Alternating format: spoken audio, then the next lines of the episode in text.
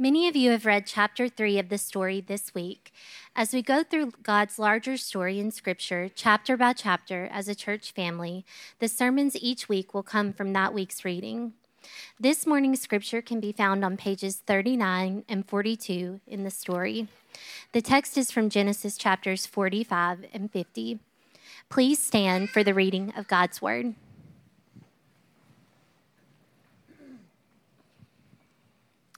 Then Joseph could no longer control himself before all his attendants, and he cried out, Have everyone leave my presence. So there was no one with Joseph when he made himself known to his brothers. And he wept so loudly that the Egyptians heard him, and Pharaoh's household heard about it. Joseph said to his brothers, I am Joseph. Is my father still living? But his brothers were not able to answer him because they were terrified at his presence. Then Joseph said to his brothers, Come close to me. When they had done so, he said, I am your brother Joseph, the one you sold into Egypt. And now do not be distressed, and do not be angry with yourselves for selling me here, because it was to save lives that God sent me ahead of you. For two years now there has been famine in the land, and for the next five years there will be no plowing and reaping. But God sent me ahead of you to preserve for you a remnant on earth and to save your lives by a great deliverance. But Joseph said to them, Don't be afraid. Am I in the place of God? You intended to harm me, but God intended it for good, to accomplish what is now being done, the saving of many lives. So then, don't be afraid. I will provide for you and your children. And he reassured them and spoke kindly to them the word of God for the people of God. Thanks, Thanks be, to, be to God. God. Again, as Steve said, um, uh, David Cassidy is here to preach this morning. David is a senior pastor at Christ Community Church for five years. So um, West End was um, was planted out of Christ Community Church, and uh, it's just a real privilege to have David here this morning. David also uh, brought a copy of his book, Indispensable, which is a book on discipleship. They've all been taken as a result of the first service. Ah. They are on Amazon, so that's a good thing. Um, it's an incredible book about discipleship. Please order one for you, um, your spouse, friends, family members. Uh, it will truly bless you. And David, thank you for being a blessing here this morning to bless us with the Word of God. Thank you. So good to be with you. Good morning, everyone. Great to be with you and to bring you greetings uh, from Christ Community and the uh, elders and deacons there and the congregation there. It's a great pleasure to be with you. Thank you for your prayers for us uh, this morning and always. I have been there five years now. I was asked about a year ago, How long have you been at Christ Community now? And I said, Long enough for it to be my fault. So uh, that's, that's how it goes in leadership, you know. So we moved up here, we moved up here uh, uh, five years ago from Austin, and with me this morning uh, are my uh, wife, Tony, who's been putting up with me now for 39 years, and then um, my oldest daughter, Claire, and my youngest daughter, Anna. And uh, so glad that you guys could be with it. And good friends Garrett and Hemi Gustafson, who are with us from Christ Community as well. So thank you for your greeting, your kind and generous welcome to us today. Absolute joy to be with you. Won't you pray with me as we begin? Father, thank you for the good word that you give us. Thank you for the sacred scriptures. And we pray that you would speak to us by your power and through your grace. And we pray through Christ our Lord. Amen. So this morning we're looking at this remarkable text in the story of a man named Joseph, who was a dreamer. If you call someone a dreamer, that could be an insult. He's just a dreamer. But somebody with a dream, somebody with a dream also could be somebody who's a creator, someone who is bringing the future into the present. Steven, Steven Spielberg said, Most people dream when they're sleeping. I dream when I'm awake. I dream for a living. And so when we notice someone in the scripture who is being moved by a dream, we have to be aware that God is at work in their life in a unique way. This man, Joseph, who we're reading about today, is part of this larger story that you're reading together. You read last week about Abraham. God called Abraham from Ur of the Chaldees and said, I want you to go to this land. I'll show you where you are when you, when you get there. I'll, I'll let you know where you're supposed to be. And then he brought him out. He said, You see the stars? Can you count them? Can you count the grains of sand on the seashore? Can you, can you count the dust particles around you? And Abraham started to count and gave up quickly. And God said, That's how many descendants you're going to have. And of course, remarkably, miraculously, God gave to Abraham a son, Isaac. But there was also Ishmael in the story, and so these brothers had conflict. Isaac, of course, grows up. Isaac gets married, and he too has a son. He has sons, and uh, he has Jacob, but also Esau. And between the brothers, there was conflict. Jacob grows up and he gets married and he has sons, not one, not two, he has many. And once again, there is tremendous conflict. I think sometimes when people read the Bible and they read these stories, they think that the people in the text are clergy, that they're floating about three feet above the ground through the story with halos on their heads. But that's not the case. These are everyday people getting up to everyday jobs. And that was the case with the sons of Jacob. They were shepherds, caring and working in the family business. And Jacob sends them out into that work. But one of those sons, Joseph, is beloved in a particular way. He has this multicolored coat that's been given to him by his father, setting him apart, identifying him in a unique way. Jacob can see that God is at work in Joseph's life in a unique fashion. It's not exactly clear what it is, but it's enough to identify him in a special way. And of course, his brothers see this and respond with jealousy and envy. They despise him. And then Joseph has a dream. Now, the scriptures say that Joseph was 17 years old when he had his dream. He was at the zenith, in other words, of his wisdom. And when he had this dream, he saw stars. He saw the sun and the moon and 11 stars bowing down to him. And he shared his dream. And his brother said, That's a wonderful dream God has given you. That's not what they said. They despised him all the more. He had other dreams too that involved them bowing down to him. They hated him with a perfect hatred. One day they were out working. His father said, I want you to go out and check on your brothers. Don't you love the guy in your family who's always sent to check up on you? And that's who he was.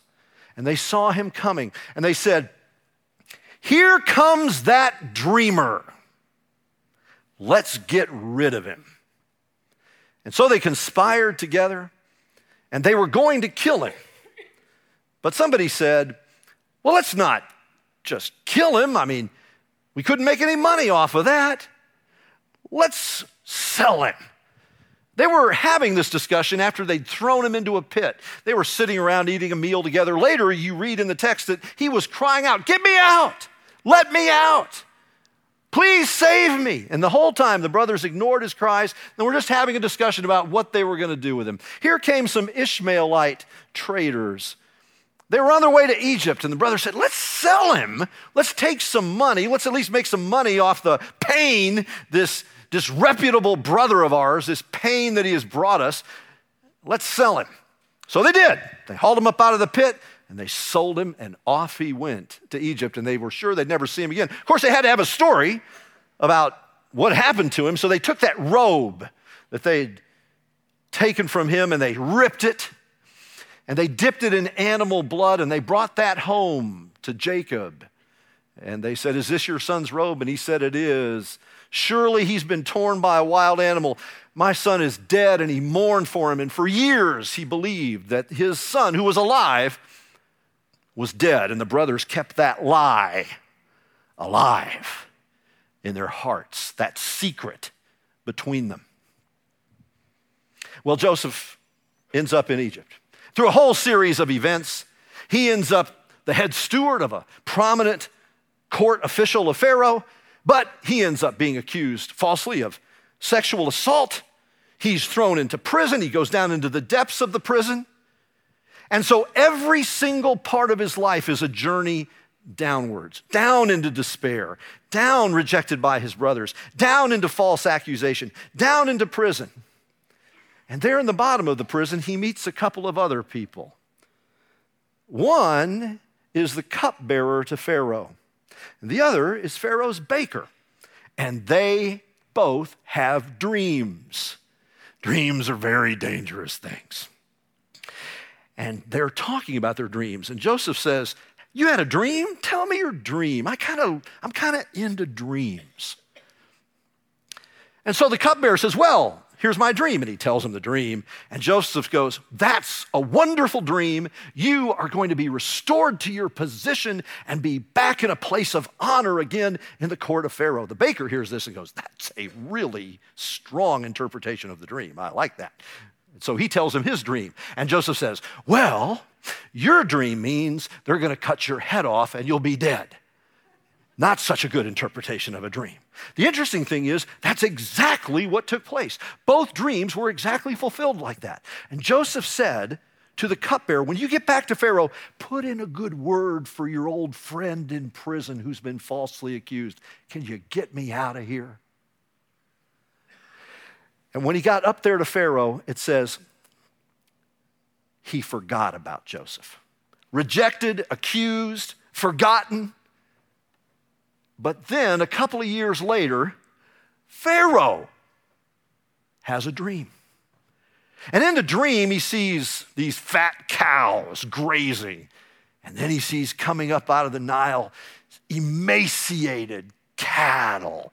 And they eat the fat cows, but they stay emaciated skin over skeletons. What is this? He wakes up troubled. What's this dream mean? I don't know what this dream means. And he's talking about it in the court officials. And, and the cupbearer to Pharaoh goes, I, I know a guy who's good with dreams. Well, who is he? Well, I was going to mention him a couple years ago, but he's down there. Well, get him out of there. So they go down, they get Joseph, they dust him off, they put some fresh clothes on him so he's presentable in court. They bring him up there. And he says, I hear you're good on dreams, Pharaoh says to him. Joseph says, Well, uh, God knows dreams. Tell me your dream. So he tells him. He says, Well, here's the deal. This is what your dream means. There's going to be seven years of plenty tremendous harvesting. But it's going to be followed by seven years of famine. And the famine's going to be so great, it's going to eat up the years of plenty. So here's what you got to do. What you've got to do is take these next seven years of plenty and store up the grain, get ready because, because the famine is coming. And you need to get somebody in charge of that operation so it's done right. And Pharaoh goes, There's nobody Nobody better than you to run that. You're the guy who's got the wisdom to know about this. So, in one day, Joseph goes from the pit in prison and covered in filth, forgotten, rejected, falsely accused, to the right hand of Pharaoh, storing up grain to save the world from the famine that then ensues. And the famine spreads not just through Egypt, but through the whole Middle East, way over there where Jacob and those rascally brothers are. And Jacob turns to him. He goes, I want you to go to Egypt. I hear there's food there. And so they go over there. And when they walk into the place where all the grain is being distributed for the people in the famine, they look up and they see a man. Now, they don't recognize him because Joseph has gone all goth on them. All right? I mean, you, you may not have read the story, but you've seen the movies, okay? You know what a good Egyptian court official looked like. Had the eye makeup going on, had the fancy hat, the colorful robes, had himself an Egyptian wife. I mean, this is a powerful figure. The scriptures say that he was, under Pharaoh, the most powerful man in the whole land of Egypt, second only to Pharaoh, a man of power terror, if you will, a man who could have people's heads removed with a snap of his finger.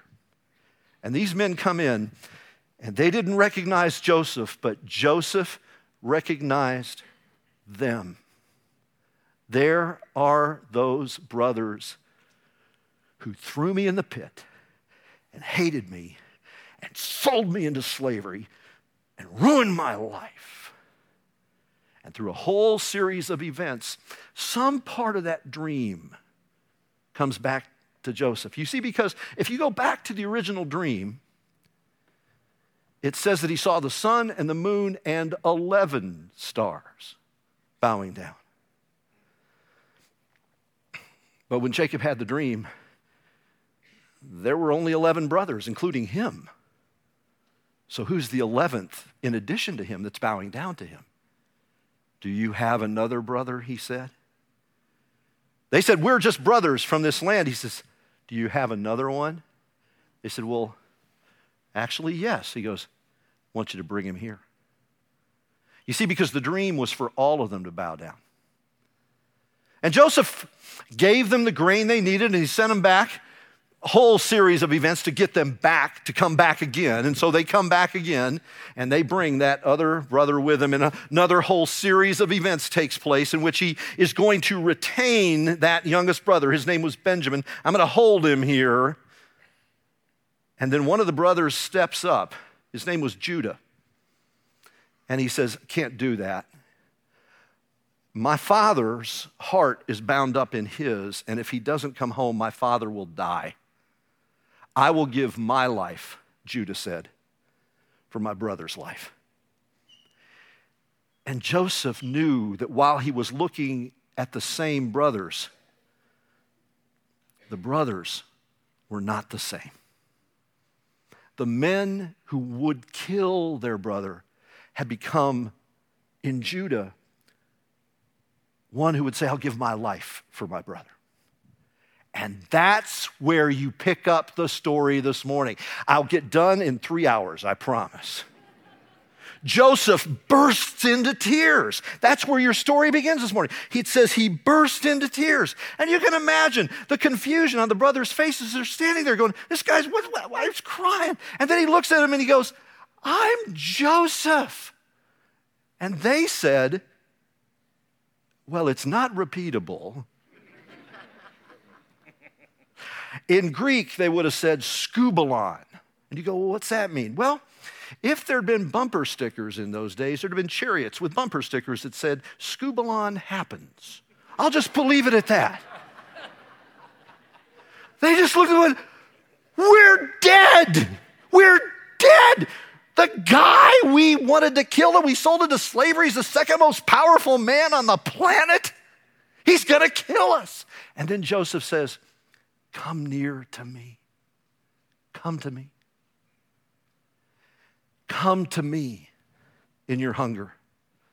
Come to me in your guilt. Come to me in the discovery of everything that's wrong. Come to me. And he bathes them with tears. And then he says, You meant it for evil, but God meant it for good to preserve a remnant because God's writing a story. It started with Abraham back over here. God said to Abraham, I'm going to bless the whole world. You see, what God does in the people of God is not just for the people of God, but for the flourishing of the world, for the blessing of the whole world, for those who know Him and those who do not know Him. And the astonishing thing is that in the writing of that story, God even uses our breaking of his revealed will to accomplish the mystery of his hidden will. It was God's will to get Joseph from here to here, and God used those brothers. What happened when Joseph said, It's me? They all bowed down. The brothers bowed before the one who was their deliverer, the one they'd rejected.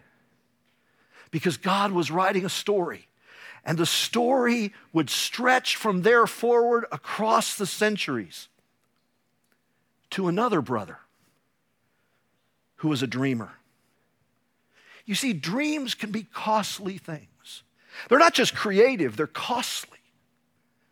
In 1963, a young preacher stood on the steps of the Lincoln Memorial and he said, I have a dream.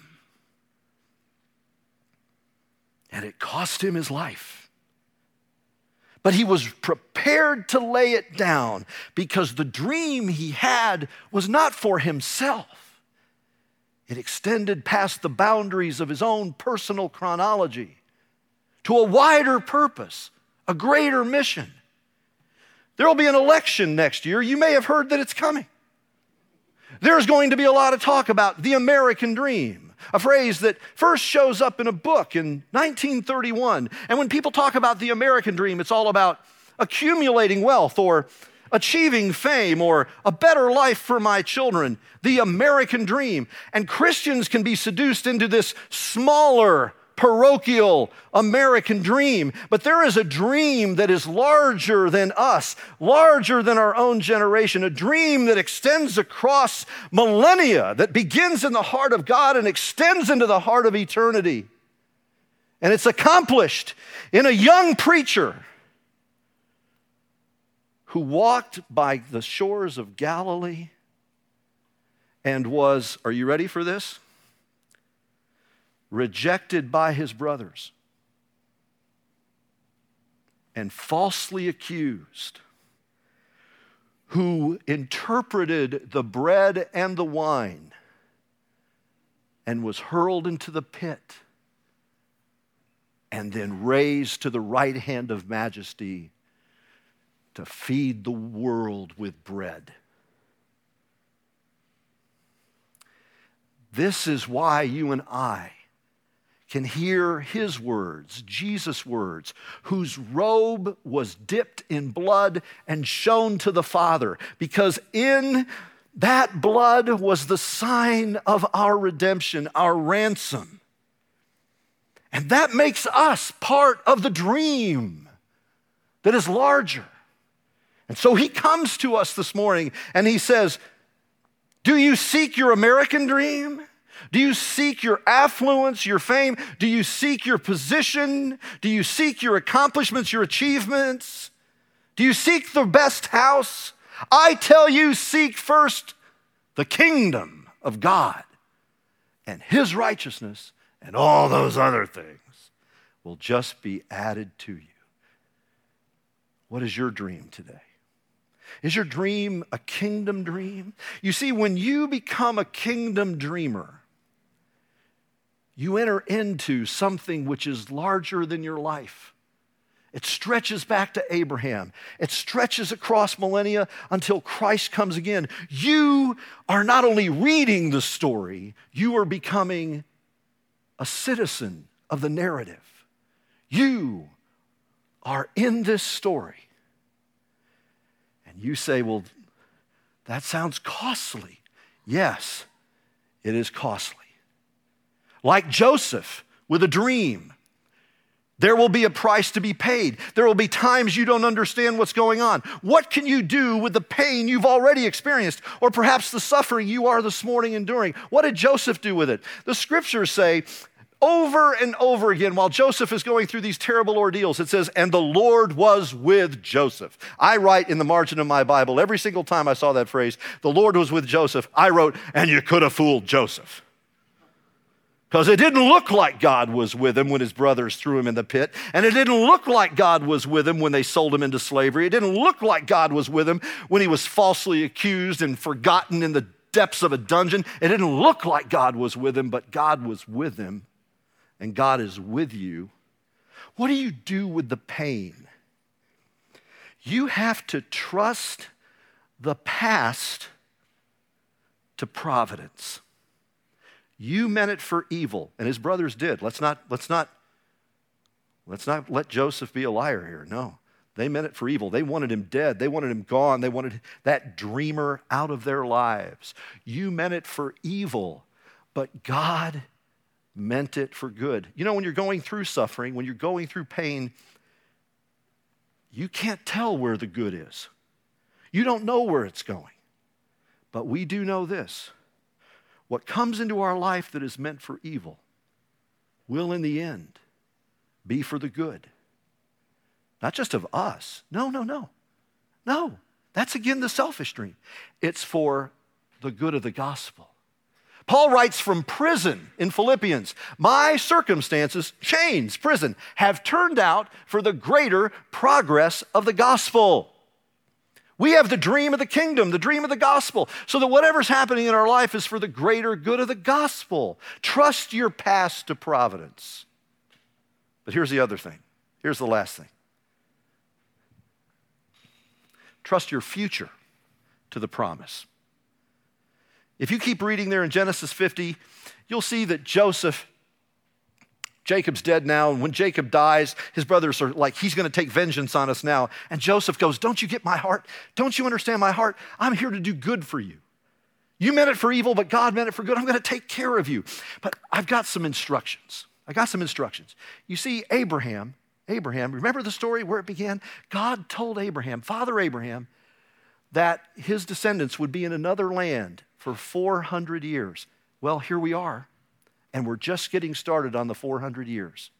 So I need you to do something for me.